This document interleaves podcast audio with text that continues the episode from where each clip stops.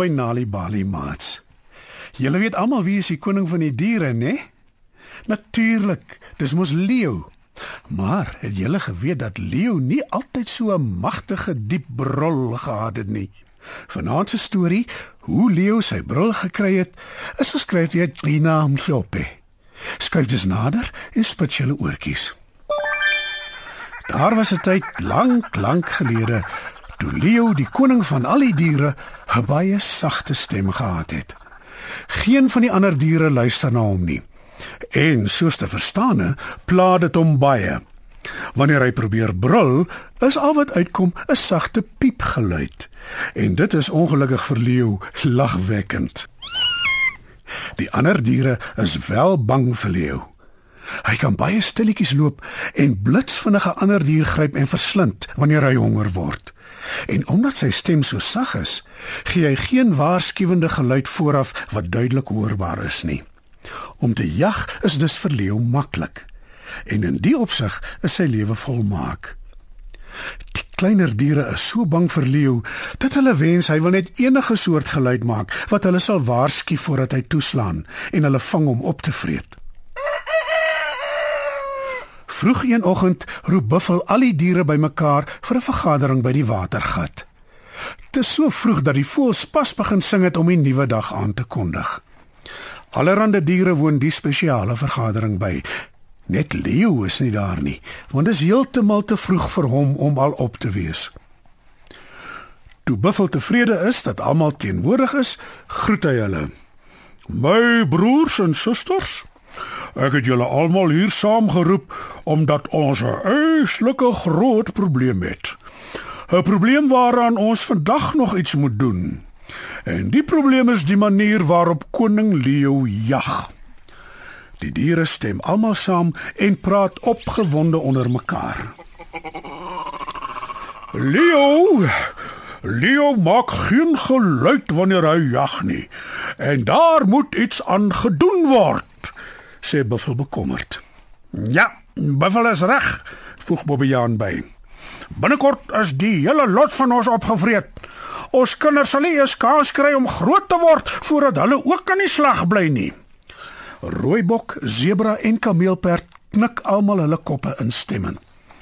Ek dink ons moet 'n klok om leeu se nek hang, sê Aap. Dan sal ons hom van ver af voor aankom. Goeie idee. Maar uh, wie van ons is dapper genoeg om die klok om sy nek te gaan hang? Vra hulle vark. Niemand antwoord nie, want niemand sien kans om naby genoeg aan koning Leo te kom om so iets te doen nie. En miskien moet ons hom op 'n ander manier vnyk. Dalk kan ons 'n tou om sy been bind en die ander punt van die tou aan 'n rots vasmaak sodat hy nie ver kan beweeg nie, sê Rooibok. Rooibok, sê Jakkals. As jy van luitjie getik. Besef jy ons leeu moet vasdruk om die tou aan sy been gebind te kry. En dink jy daar is enige een van ons hier teenwoordig vandag eh, wat dom genoeg is om so iets te waag? Leo sal wie dit ook al doen, opvreet voordat hulle kan wegkom. Toe staan Nogwaja die haas op. Hy maak kilskoene sê, "Ehm, dit is vir my baie duidelik dat nie een van julle weet wat om te doen nie. Asseblief, laat my toe om Leo te laat brul. Ek gee julle die versekering dat ek dit sal regkry voordat die son vandag sak." Die ander diere is baie in hulle skik toe hulle dit hoor. Nou goed nog, Waja. Gaan gerus voort met jou plan. Ons hoop van harte jy kry dit reg, sê Buffel. Nogwaja loop na Leo se leplek toe in 'n grot naby die berge. Hy staan op 'n rots en roep luidkeels: "Gegroet, o, my groot koning!" "Is wie is daar?" vra Leo. "Dis ek, Nogwaja, my koning. Ek is bevrees. Ek bring slegte nuus so vroeg in die oggend," sê hy. Nee, wat so slegte nuus? Waarvan praat jy? Toe, uit daarmee. Sê Leo en probeer sy stem diep maak. "Die broer is baie siek. Hy is so siek dat hy my gestuur het om u te kom roep," sê Nogwaja. "En uh, waar is hy nogal?" Aan die ander kant van die berg, my koning.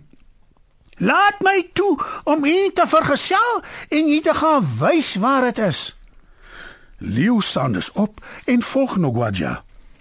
Nadat hulle 'n kort eind geloop het, begin Nogwaja kla oor hoe seer sy klein pote is.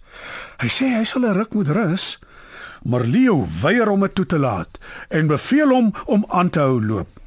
Nou kla die haas al meer en meer totdat Leo naderhand sê: "Nou goed dan, klim tog maar op my rug, dan dra ek jou. Ons het nie tyd om te mors nie." Die uitgeslape haas spring op die leeu se rug en Leo hou aan loop.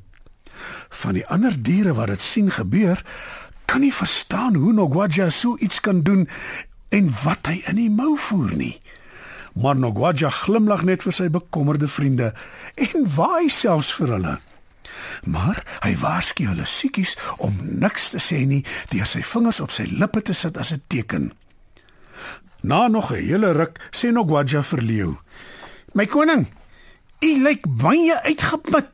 Hoekom rus ons nie 'n wyle in die skaduwee van die boom daar aan die ander kant nie?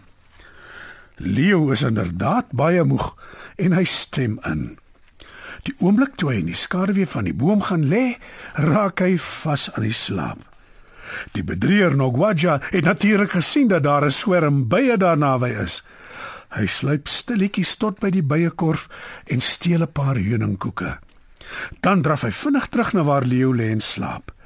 Hy druk die heuning uit die koeke uit en drup dit op die slapende leeu se ore, sy neus, sy nek, sy pote en selfs onder sy stert en op sy boude.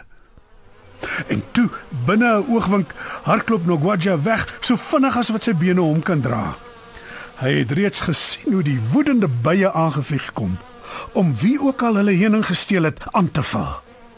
Vanuit sy wegkruipplek aan naby lek Nogwaja sy vingers af terwyl hy toe kyk hoe die woedende bye om die slapende leeu se kop zoom en vlieg. En toe skielik spring leeu op. Die bye is besig om hom op sy hele lyf te steek. Die ergste is sy ore en sy neus om nie eers van onder sy stert te praat nie. Hy het die vaagste benul hoekom die bye hom aanval. Leo skree van pyn. Hy roep oor en oor om hulp. Hy spring op en af totdat sy stem op die ou einde breek. Toe begin die koning van die diere brul en dit klink soos die donder weer. Dit weer galm oor die berge, tussen die klowe en oor die groot rivier aan die kant die berge. Elke enkele dier hoor die magtige gebrul van die leeu en hulle weet Nogwaja het sy belofte gehou. Al die diere bedank Nogwaja en prys hom oor sy slim plan.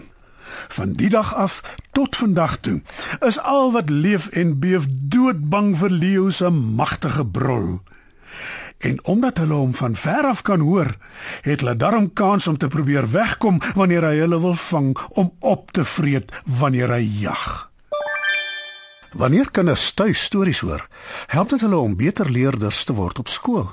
Vir meer stories om vir kinders voor te lees of vir stories wat kinders self kan lees, besoek ons by www.nalibali.mobi.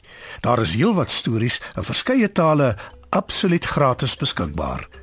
Daar is ook wenke oor hoe om stories vir kinders te lees en met hulle te deel sodat hulle hulle volle potensiaal kan ontwikkel. Nalibali is ook op Facebook. Story Power. Bring dit huis toe.